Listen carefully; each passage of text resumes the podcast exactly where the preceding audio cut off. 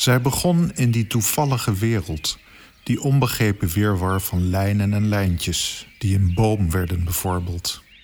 Zij noemde deze schoonheid de tragische schoonheid van de mens die herziet, van moment tot moment. Zij wilde niet zien hoe de wereld voorbij gaat, maar zien hoe eeuwig zij is. Als zij terugkeert naar dat ene moment waarin haar lijnen en lijntjes uiteenvallen, tot een boom bijvoorbeeld, tot haar formule. Zij stierf en zag alles, zag alles en stierf. Dat was het gedicht Die eeuwige schoonheid van Rutger Kopland. En dat kopt het onderwerp van deze column gelijk binnen, want ik wou het vandaag met u hebben over de raadselachtige schoonheid van ons bestaan. Sowieso is het hele bestaan, inclusief lelijkheid, pesterij, haat, verval, angst, domheid en fanatisme, van een wonderbaarlijkheid waar niemand helemaal aan ontkomt. Zelfs de meest oppervlakkige onder ons zullen van tijd tot tijd verbaasd zijn dat dit alles is opgewerkt uit chemisch toeval, al is het misschien maar voor een kwart seconde. Een deel van wat wij mooi noemen is mogelijk aangeleerd en persoonlijk en afgestemd op onze waarneming. Als ik bijvoorbeeld zeg wat een mooi uitzicht, dan is dat hoe ik mijn visuele informatie waardeer. Misschien de kleuren van een zonsondergang die ik verbind met warm en prettig. Of de dieptewerking, het zicht op de natuur, van die dingen. Maar dat is dan ook niet waar ik het vandaag over wil hebben. Laten we eens kijken naar dingen die vreemdsoortig mooi zijn, universeel. Bijna te toevallig, zeg maar. We nemen twee voorbeelden, maar er zijn er wel meer. Het eerste ding is de manier waarop wij kleuren waarnemen. Dat we in kleur zien, delen we met een heleboel dieren, zoals veel apen, vogels en vissen. Er zit wel een duidelijk evolutionair voordeel aan kleuren zien, omdat we daarmee beter onderscheid kunnen maken op basis van visuele stimuli en zo eenvoudiger voedsel kunnen vergaren. Maar kleuren zien maakt ook dat kunst voor ons heel prettig om naar te kijken kan zijn. En hier zien we letterlijk dus iets eigenaardigs. Ons zicht heeft een bereik van ongeveer 380 tot 740 nanometer. 380 nanometer noemen we violet en 740 nanometer rood. Het voor ons zichtbare licht is een lineair stukje uit het elektromagnetisch spectrum. Snellere trillingen noemen we ultraviolet, bovenviolet, en langzamere infrarood, onderrood. En toch ervaren we het kleurenspectrum als een cirkel. Rood sluit gevoelsmatig aan bij violet. Onderzoek uit 1981 van Bowmaker laat zien dat er een eigenaardige extra gevoeligheid in onze netvliezen kan worden aangewezen, die maakt dat we rood en violet vergelijkbaar vinden.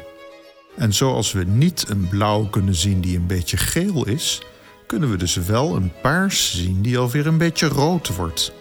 Kijk anders maar eens naar de ondergaande zon. Maar waarom is dat? Is kunstzien misschien een evolutionair voordeel? De prachtige kleurenafbeeldingen die we van ruimtetelescopen als de Hubble Space Telescope te zien krijgen, zijn extra mooi dankzij deze circulaire eigenaardigheid van onze visuele waarneming. Maar deze afbeeldingen noemen we ook wel false color images, omdat ze met filters gemaakt zijn en min of meer arbitrair naar zichtbare kleuren zijn vertaald. Hoewel esthetisch plezierig, zit er ook een wetenschappelijke kant aan de keuze van kleuren. Verschillende filters laten verschillende frequenties van het elektromagnetisch spectrum door. En door dit verschil te overdrijven in de kleurenfoto's die gemaakt worden, kan een bepaald verschil aanschouwelijk gemaakt worden. De aanwezigheid van elementen als waterstof of zuurstof kan fotografisch overdreven worden door bepaalde tinten rood bijvoorbeeld helemaal uit te rekken, zodat we het als rood versus blauw ervaren. Dat maakt dingen duidelijker. Als u zelf door een telescoop naar een nevel- of sterrenstelsel kijkt, dan zult u moeten bekennen dat alles eigenlijk grijs is. Onze netvliezen zijn nu eenmaal niet in staat de nuances in kleur op te pikken. Dat geldt trouwens niet voor alle sterrenkundige objecten. Als u naar de ster Albireo kijkt, dat is de onderste ster van het sterrenbeeld Zwaan, dan zult u zien dat dit een dubbelster is met een blauwe en een oranje component. Ook een planeet als Mars is duidelijk rood aan de hemel te zien. Dan nu iets heel anders, ons tweede voorbeeld. De wiskundige Leonard Euler, die leefde in de 18e eeuw, werkte op vele wetenschappelijke gebieden. Van zijn hand is ook een wonderbaarlijke formule, ook wel bekend als Euler's identity. Vele mensen hebben dit de mooiste wiskundige vergelijking aller tijden genoemd. Om de schoonheid van deze formule te begrijpen, nemen we een handje constante getallen. We kunnen ook wel zeggen de meest voorkomende constante getallen, die ogenschijnlijk ook weinig tot niks met elkaar te maken hebben. Allereerst de twee getallen die we allemaal als baby het eerst leren kennen: 0 en 1. 0 staat dan voor mama is weg en 1 voor mama is er weer. Van alle getallen die we in ons dagelijks leven gebruiken, zijn dit toch wel de meest gangbare twee. Wilt u nog koffie? Ja, graag. 1. Nee, ik heb genoeg gehad. 0.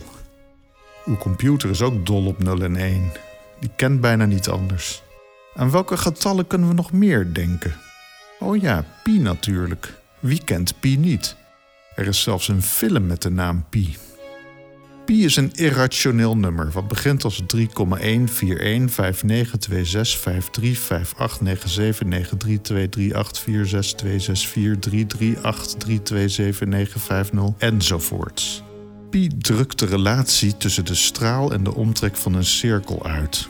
Op die manier komen we pi tegen als we rekenen met cirkels en bollen.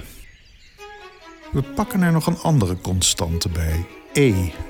Alhoewel e is vernoemd naar Euler, werd dit getal ontdekt door Jacob Bernoulli. Het getal is ongeveer 2,71828 en we komen het in de natuur heel veel tegen. Niet in cirkels, maar in natuurlijke logaritmes. Zonder daar verder te diep op in te gaan, kunnen we stellen dat het getal e tevoorschijn komt als we kijken naar fenomenen zoals de groei van een nautilus, een zonnebloem of een melkwegstelsel. Ook in verhitting en afkoeling, elektronica en nucleaire processen duikt E geregeld op.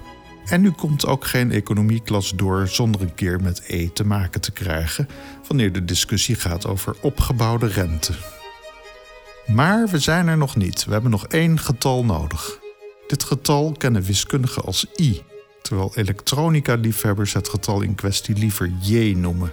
Dit laatste om verwarring met het bestaande symbool voor stroom, I, te voorkomen.